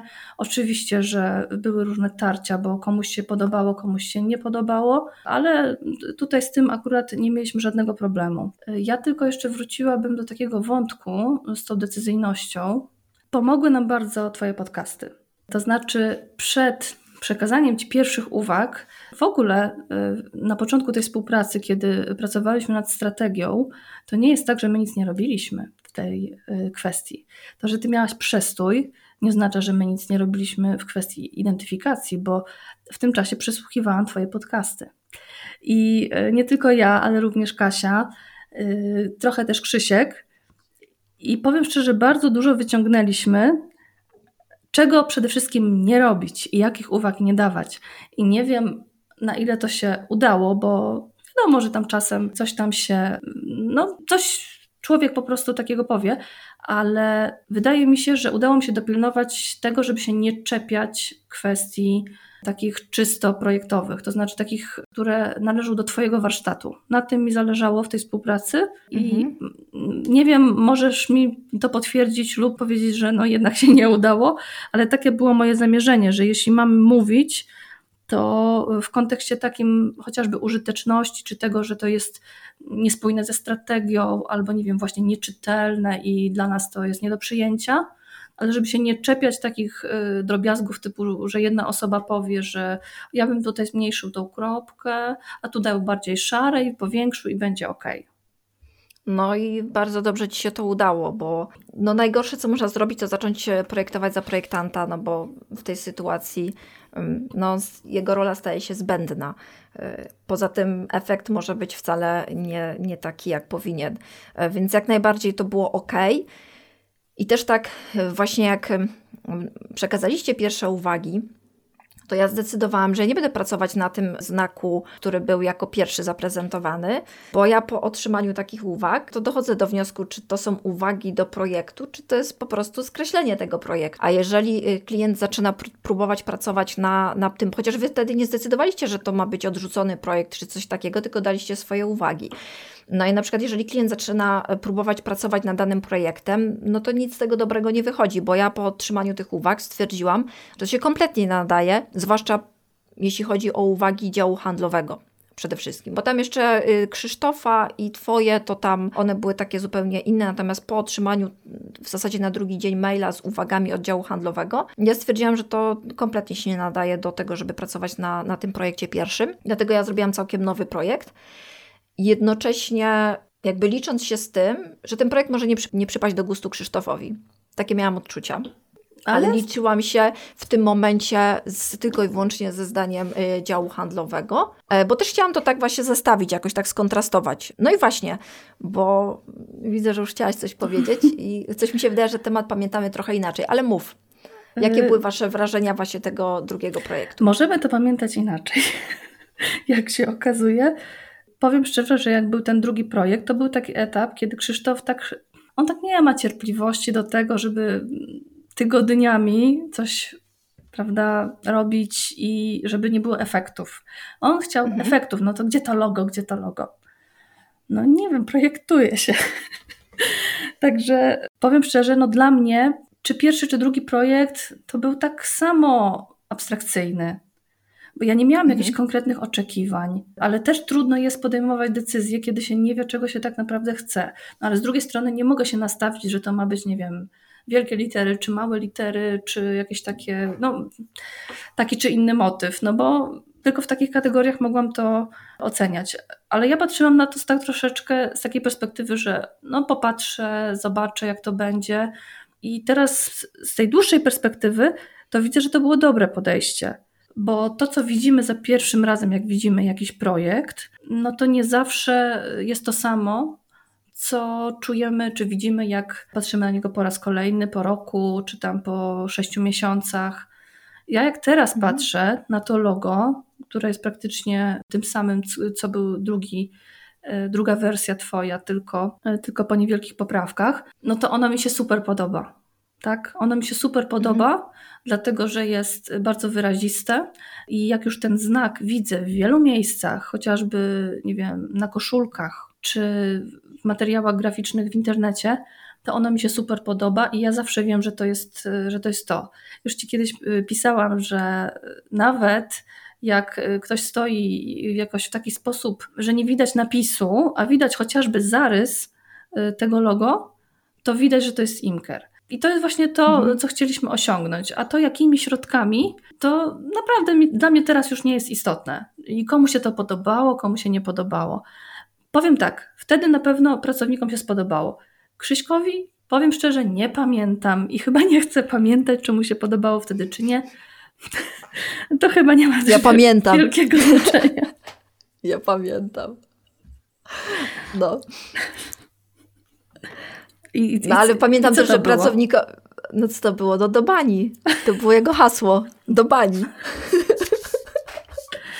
No nie bójmy, się tego, nie bójmy się tego powiedzieć. Być może. E, I powiem ci, powiem ci, że wiesz, jakbym 10 lat, coś tak, 10 lat temu coś takiego usłyszała, to by mi się przykro zrobiło. Ale wiesz, minęło wiele lat e, i wiesz, wiele na klatę przyjęłam.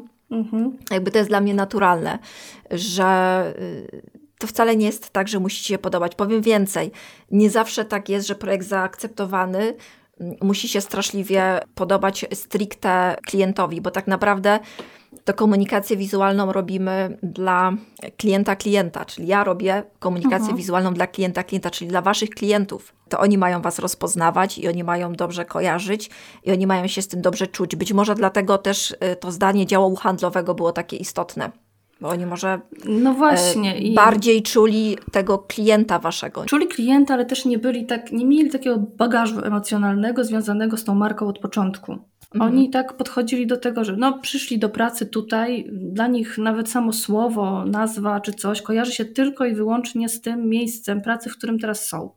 A to nie było od początku dokładnie to samo. Także na pewno dobrze, że tutaj dojrzale podeszłaś do sprawy, nie przejęłaś się tymi komentarzami. Ja też się nimi nie przejęłam. Ja co więcej, nie przejęłam się nawet swoim pierwszym wrażeniem, bo mi się żadne z tych, y, żaden z tych znaków nie podobał y, na początku, ale mhm. starałam się podejść do nich właśnie w taki sposób funkcjonalny, w taki sposób, co ja z nich zrobię, gdzie one będą.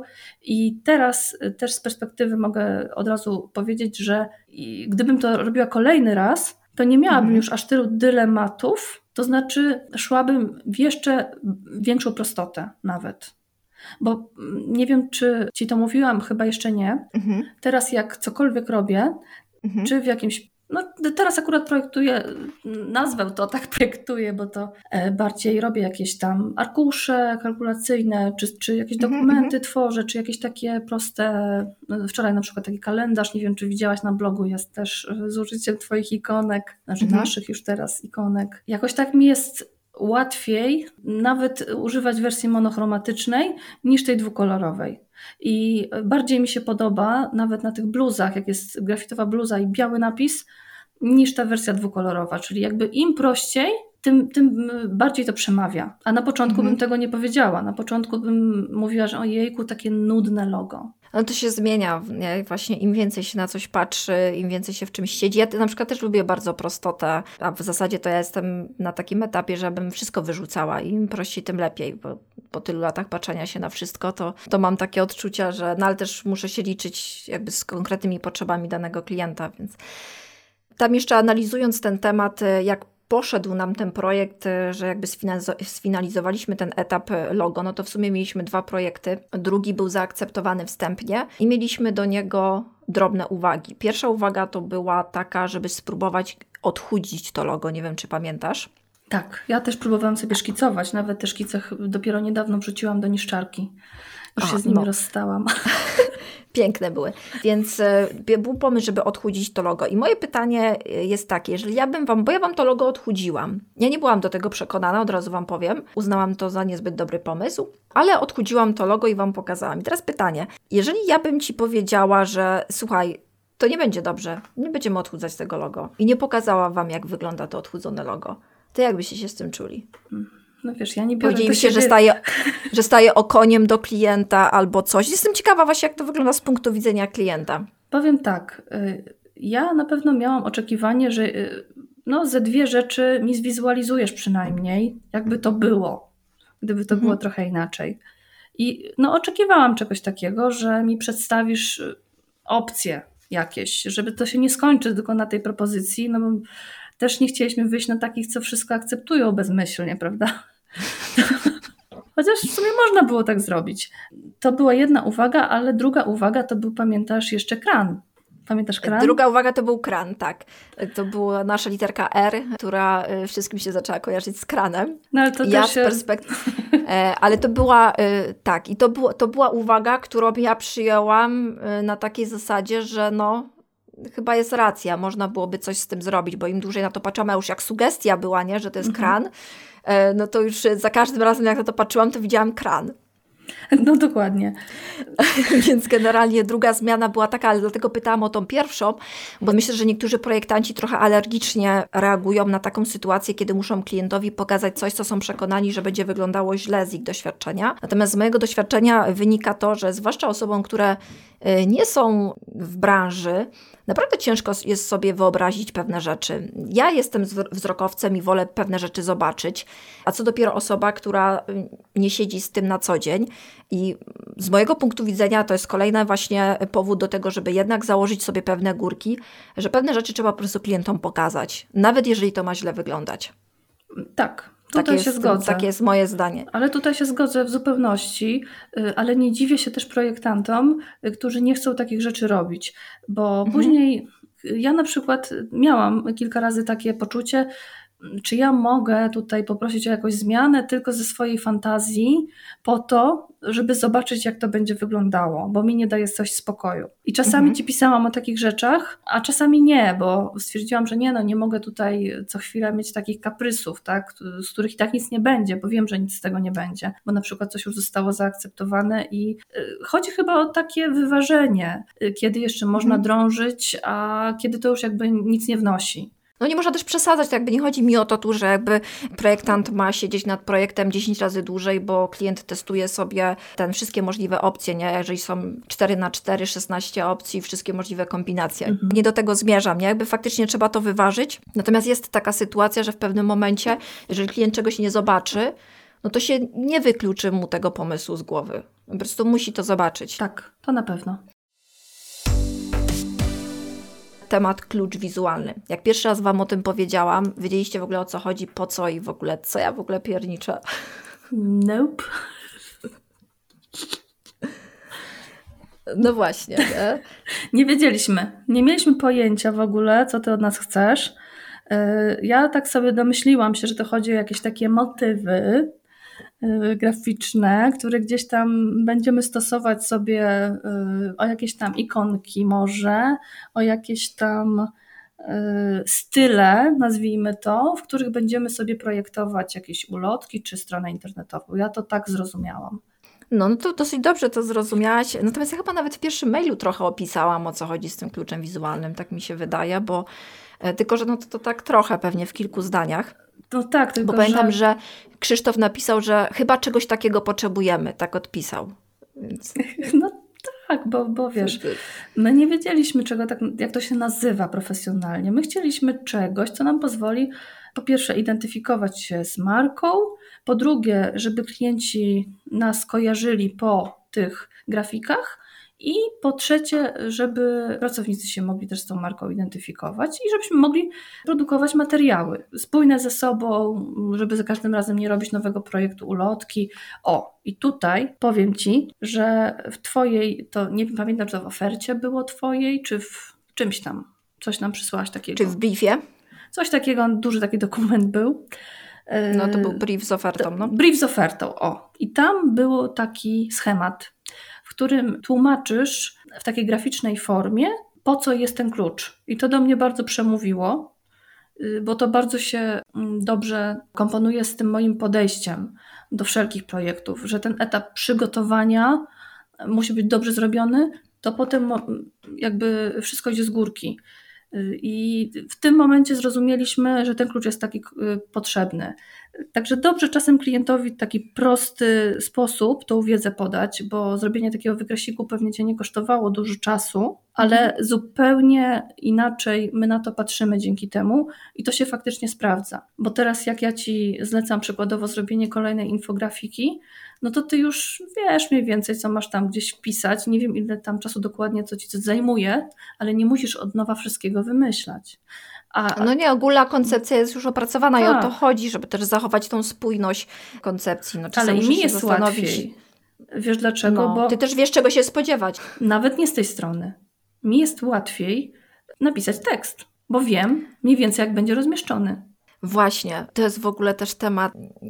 A może później. wrócimy do tego, y, albo później, bo ja chciałam jeszcze tego, ten klucz wizualny pociągnąć, Mhm. bo wy z góry wiedzieliście, wokół czego będzie się kręcił ten klucz wizualny, bo ja zasugerowałam to już jak kończyliśmy kwestię znaku graficznego z księgą znaku i zasugerowałam, że właśnie będzie ten motyw sześciokąta eksploatowany i że to jest fajny motyw do klucza wizualnego i za tym szła cała historia odnośnie tego, że to takie trochę plastry miodu, że mamy z miodkiem kojarzenie, bo to jest Imkert, a to znowu z e, modułowością waszych usług.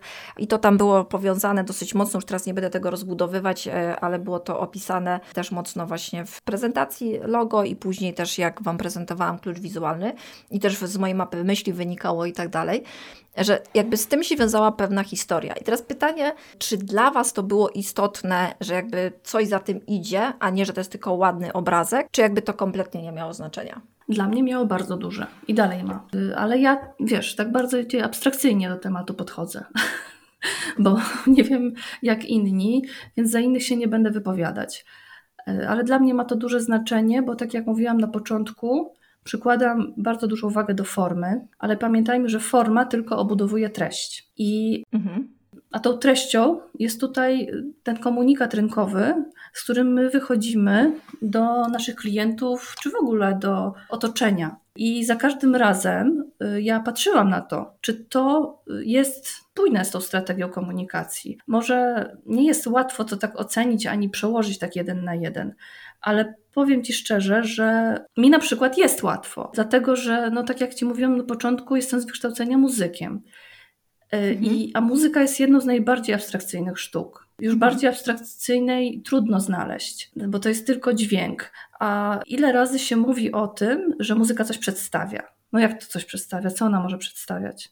A jednak przedstawia, prawda? I tak się mm, używa się takich sformułowań.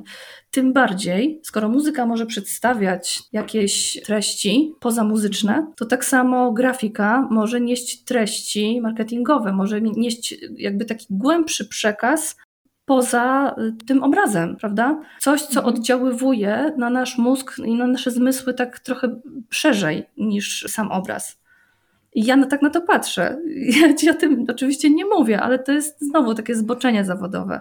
Mhm. A to pomaga w akceptacji projektów, jeżeli wiesz, że to nie są puste obrazki, tylko idzie za tym jakaś historia? Zdecydowanie. Zdecydowanie tak. Dla mnie zawsze coś wynika z czegoś i wszystko jest powiązane. I jeśli coś mi nie pasuje, to ja to po prostu wycinam. Tak jak Ci mówiłam, że no, części projektów, które sama zleciłam, nie realizuję. Dlaczego? No z tego Mhm. powodu. Skoro widzę, że to mi nie pasuje do całości, to ja z tego rezygnuję. Mhm. Po prostu świadomie z tego rezygnuję, zostawiam na kiedyś. I ja nie mam problemu z takim abstrakcyjnym połączeniem e, słów czy przekazu y, z chociażby, nie wiem, z muzyką, czy nawet tutaj z obrazem. Więc to bardzo pomaga, aczkolwiek mam świadomość, że nikt poza mną tutaj tak do tego nie podchodzi. No to wiesz, generalnie na temat wizualizacji graficznej, strategii można byłoby długo rozmawiać, dlaczego to jest istotne, pomimo że jeżeli ktoś patrzy na to całkiem z zewnątrz, to nie odczyta od razu całej historii, ale to jakby jest osobny temat i tutaj byśmy całkiem zboczyli. Natomiast podjęłaś e, ten temat tych treści i to był właśnie kolejny punkt, o którym chciałam porozmawiać. E, Zauważyłam na pewnym etapie, że macie problem ze stworzeniem treści, dopóki nie macie projektów jakichkolwiek zarysów. Przy czym to jest taka odwieczna walka, czy projektant ma zawsze zrobić najpierw projekt, a potem dostać treści, czy klient ma najpierw dać treści, a potem projektant zrobi do tego projekt. I jest taka zasada, że najpierw powstaje strategia komunikacji, prawda? To to wiemy i to, to, to nie podlega żadnej dyskusji, że najpierw musi być strategia komunikacji. A potem na podstawie tej strategii komunikacji tworzy się to, co chce się powiedzieć, już stricte ułożone w zdania. Bo tak to mamy najpierw założenia, a potem układamy to w słowa już konkretne, zdania, a potem wizualizujemy to graficznie. Więc teoretycznie najpierw powinny być treści, a potem wizualizacja graficzna. Mimo to nie jesteście zresztą odosobnieni, bo ja notorycznie się z tym spotykam, że ludzie mają problem ze stworzeniem treści do materiałów reklamowych, których jeszcze nie widzieli. I chciałabym uchwycić, chciałabym po prostu wreszcie to zrozumieć, w czym jest problem. Dlaczego to jest takie trudne, żeby stworzyć treści w momencie, kiedy nie widzisz jeszcze, gdzie one będą? No jest to problem. My tworząc treści, yy, zastanawiamy się, jak one się będą prezentowały. Bo to, co my chcemy przekazać, to jest jedno, a to już jak, jakimi konkretnie słowami, to jest drugie. I ma znaczenie chociażby nawet kolejność formułowania tych myśli. Przykładowo, że ja muszę wiedzieć, czy będzie nagłówek, czy nie będzie nagłówka. Muszę wiedzieć, czy będzie na przykład nagłówek, podtytuł i jakieś tam punkty, czy raczej w tym layoutie to nie będzie pasowało i bardziej się trzymać takiej treści płynnej, ciągłej. Myślę, że to o te rzeczy najbardziej chodzi. Czy ja mam to pisać takimi hasłami, czy bardziej właśnie zdaniami? Czy ty y, coś tam jeszcze, nie wiem, jakieś obrazy do tego zechcesz dołożyć? Czy to będzie bardzo bogata grafika? Czy to będzie taka, można powiedzieć, przejrzysta, mm, nie bardzo ozdobna, no tak to nazwijmy. Minimalistyczna, o, tak, Taka tak. minimalistyczna. Tak. I, I, trudno jest, słuchaj, napisać, nie wiedząc mhm. E, w jakim to będzie otoczeniu. Mi, mi na przykład to sprawia dużo trudności, żeby nawet zlecić komuś napisanie takiego tekstu. I już podjęłam wcześniej też ten temat, że jak robimy mhm. kolejny raz podobny materiał, weźmy na przykład mhm. banerek prosty przyciskiem call to mhm. action, na którym mhm. mamy taki projekt od ciebie, że robimy sobie jedno zdanie tłustym drukiem, drugie zdanie normalnym krojem pisma i jest przycisk, mhm. w którym się mieści dwa słowa. I dla mnie to mhm. jest bomba, bo ja teraz sobie te, te banerki przetwarzam, do każdego tekstu mogę robić nowy, wiem jak, jak długie ma być zdanie i już mam ten złapany styl tego elementu. Ale jak y, mieliśmy ci dać treść, że zrób nam banerek, a my mamy podać treść, to ja nie wiem, czy ma być cztery zdania, czy ma być jedno, jak duży będzie przycisk. Wiesz, po prostu to są takie dylematy. No, ale możemy podejść do tematu od drugiej strony, że ja mogę stworzyć taki przycisk, oczywiście bez przesady, no bo przycisk jest przyciskiem, ale no mogę stworzyć taki przycisk, jaki, jaki ty dasz napis. Albo e, jeżeli ty e, prześlesz mi tekst z, z nagłówkiem jeden, potem jest e, tekst paragrafowy, potem jest nagłówek dwa i tak dalej, to ja zrobię taki projekt. Wiesz o co chodzi? Wiem. Że jakby Możemy w różną stronę. Oczywiście, że jeżeli mamy na przykład już ustaloną z góry infografikę, to ty musisz się do niej dostosować. No właśnie na tym to polega, że jeżeli ja najpierw zrobię projekt, to ty musisz dostosować treści. Jeżeli ty najpierw zrobisz tekst, to ja muszę dostosować projekt. No tak, tylko że chyba łatwiej jest mi czy mhm. osobom, które u nas odpowiadają za te teksty, łatwiej jest pisać pod projekt niż tworzyć od nowa. Bo później się okazuje, że oj, to się jednak nie mieści, musicie tu skrócić. Tutaj w sumie to za dużo jest, nie będzie tego widać w takim formacie. A to to w ogóle nie mamy aż tylu nagłówków, żeby tyle tutaj zrobić różnicowań i zaczyna to wyglądać jak taki śmietnik trochę. Ja takie mam obawy, jak tworzę zupełnie nowe formy. Mhm. Czy wiesz, dla Was to mi już jest y, łatwo bez treści stworzyć, bo ja już umiem sobie nawet wyobrazić, co to mniej więcej może być. No tak. To siłą rzeczy. Natomiast najtrudniejsze są takie zlecenia, kiedy przychodzi klient, ja na przykład chcę tylko zrobić jakiś tam folder reklamowy i jakby nie dostanie się tekstów, chociaż przybliżonych, no to się zaczyna robić problem, ale to już jest taka dygresja. Bo... No, my też mieliśmy tego rodzaju problemy przez ostatni czas, także dobrze to znam, jak projektowaliśmy, no chociażby nawet zakładka do książki, to był jakiś to był jakiś kosmos, żeby, żeby zrobić coś takiego, tak, taką w sumie prostą rzecz, prawda, jak zakładka do książki. A no a teraz jak mamy klucz wizualny, no to nam tam wystarczy. Też jakby wszystkie, wszystko, wszystko wiadomo. Tak, tak, wszystko wiadomo i nawet można zrobić po prostu tylko jeden motyw, wrzucić i już mamy zakładkę tego czy innego rodzaju. Także to już nie wymaga mhm. właściwie nawet myślenia o tym.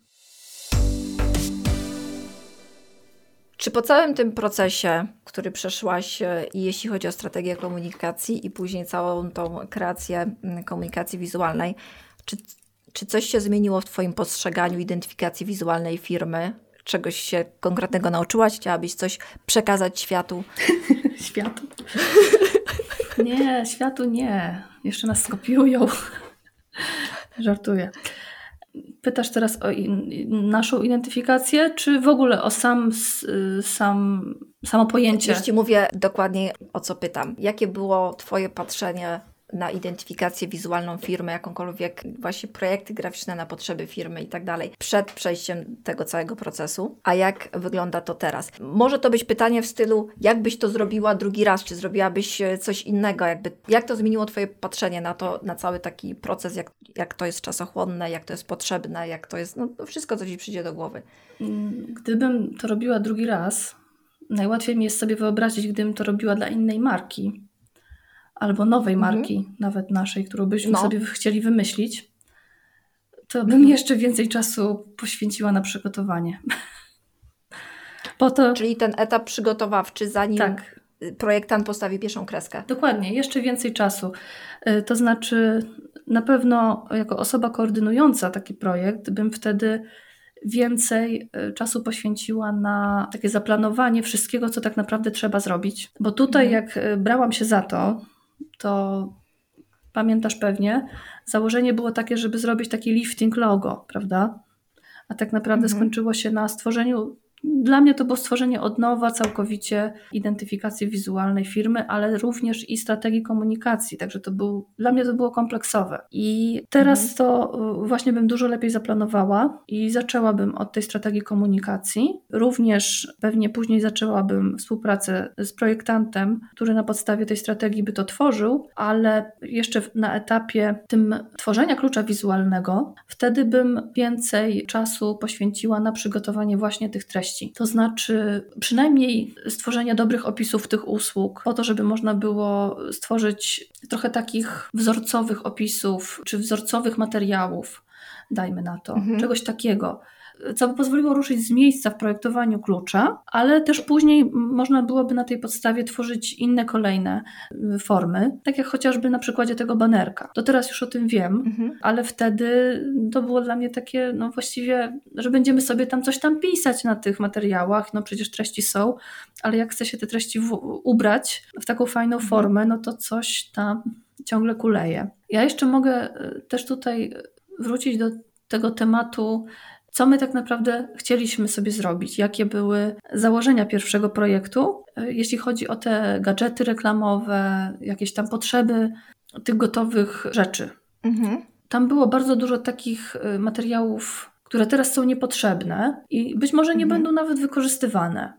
A mhm. z kolei teraz jest więcej dodatkowych projektów na potrzeby właśnie social mediów robionych i coraz mhm. więcej widzę takiego zapotrzebowania na takie grafiki do internetu jak zaczynaliśmy projekt, to bardziej się skupiłam na tych gadżetach reklamowych, jakichś takich oznakowaniach, żeby sobie tam jakiś szyld stworzyć, czy jakieś takie, no właśnie chociażby koszulki, bluzy, tego typu sprawy. E, wizytówki, mhm. ulotki, które dołączamy do paczek, taśmy, kartony, no takie rzeczy, które powinny być obrandowane w naszej działalności. A jakoś tak mało uwagi poświęcałam grafikom do internetu. A teraz wychodzi na to, że to te grafiki do internetu są najbardziej potrzebne, czyli różnego rodzaju infografiki, obrazki, slajdy, można powiedzieć, na media społecznościowe, tabelki, wykresy, tego typu sprawy. To się okazuje teraz najbardziej potrzebne. No i to teraz po prostu zlecam, zlecam ci to na bieżąco, prawda? Jak piszemy jakiś mhm. artykuł albo chcemy coś gdzieś opublikować. No a ta produkcja gadżetów to, jak się okazuje, nie jest aż taka istotna, chociaż trzeba przyznać, że ona jest najbardziej tak y, kosztowna. Nie da się tutaj mhm. ukryć, że to jest najbardziej kosztowna część tego całego, no tej całej identyfikacji wizualnej, tej zmiany, zmiany logo, mhm. czy zmiany w ogóle podejścia do prezentacji marki, bo wszelkiego typu materiały, czy drukowane, czy takie fizyczne, kubki, ubrania, innego rodzaju gadżety, one bardzo są kosztowne i w porównaniu do tych grafik internetowych, czy samego procesu projektowego, one jednak pochłaniają więcej pieniędzy i trzeba to powiedzieć wprost. Także pewnie bym zrezygnowała z mhm części tamtych kosztów, a więcej bym poświęciła uwagi tym grafikom do internetu.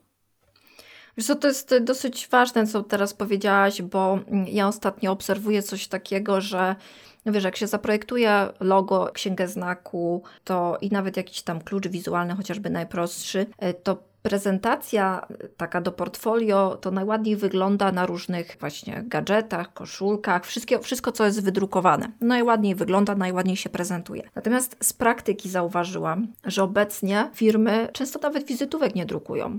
I to taka uwaga może dla przedsiębiorców, żeby właśnie zwrócić uwagę e, może bardziej, jak wyglądają te projekty właśnie internetowe, które są znacznie częściej eksploatowane w tym momencie a tylko specyficzne firmy mają więcej tych elementów drukowanych. Natomiast większość teraz idzie do internetu. Natomiast wyjątkowo rzadko widzę w portfoliach e, właśnie prezentacje tych projektów internetowych. Ja też wiem, z czego to wynika, bo one tak ładnie się nie prezentują potem w portfolio, jak tam jakaś koszulka, kubeczek, długopisik i tak dalej, i tak dalej, nie? No to prawda. Na mnie też dużo tak, większe. Tak to wygląda. Od razu wrażenie ogromne na, e, na mnie zrobiły te właśnie prezentacje nowego logo na tych gadżetach. Tak, no bo to fajnie wygląda, tylko ja, ja, ja też mam takie marzenia, ja bym chciała sobie wszystko wydrukować, bo to fajnie wygląda. Tylko, że w praktyce niestety tak nie jest, od tego się odchodzi. No na pewno jak się takie rzeczy robi, to tak jak mówisz, warto się przy, przyjrzeć, co jest tam tak naprawdę potrzebne y, i co my na co dzień wykorzystujemy, mm. i na tych rzeczach to logo drukować. U nas y, taką rzeczą na pewno są kartony, na pewno taką rzeczą jest taśma pakowa, którą pakujemy paczki, y, na pewno taką rzeczą są zakładki do książek czy ulotki, które czasem dołączamy do, do paczek, czy nawet do, do, do niektórych książek, jak wysyłamy. Także to są rzeczy takie, które u nas będą szły, ale nie w każdej firmie to będzie potrzebne. Mhm. Także trzeba po prostu patrzeć na to, co w danej firmie jest i co będzie szło w świat tak naprawdę z tej firmy. No nasza taśma jest rozpoznawalna, tak? To, to nie ulega wątpliwości. I nawet... Yy, taśma i plecy na koszulkach. Tak, i plecy na koszulkach i już teraz też na bluzach. Okej, okay. dobra no, Ewa, dziękuję Ci bardzo za rozmowę. Moim zdaniem bardzo dużo wartościowych informacji. Również dziękuję. Do usłyszenia, cześć. Do usłyszenia, cześć. Dziękuję Ci za wysłuchanie naszej rozmowy. Ten odcinek wyjątkowo nie pojawi się w formie transkryptu. W zamian pojawi się artykuł na podstawie naszej rozmowy, w którym szerzej przedstawię cały rebranding oraz najważniejsze wnioski z rozmowy z Ewą. Zapraszam Cię do zapisania się na newsletter podcastu Komunikacja Wizualna. Możesz to zrobić na stronie anetaduk.com. W newsletterze przedstawiam więcej osobistych wniosków na tematy poruszane w podcaście i na blogu. Do usłyszenia. Cześć.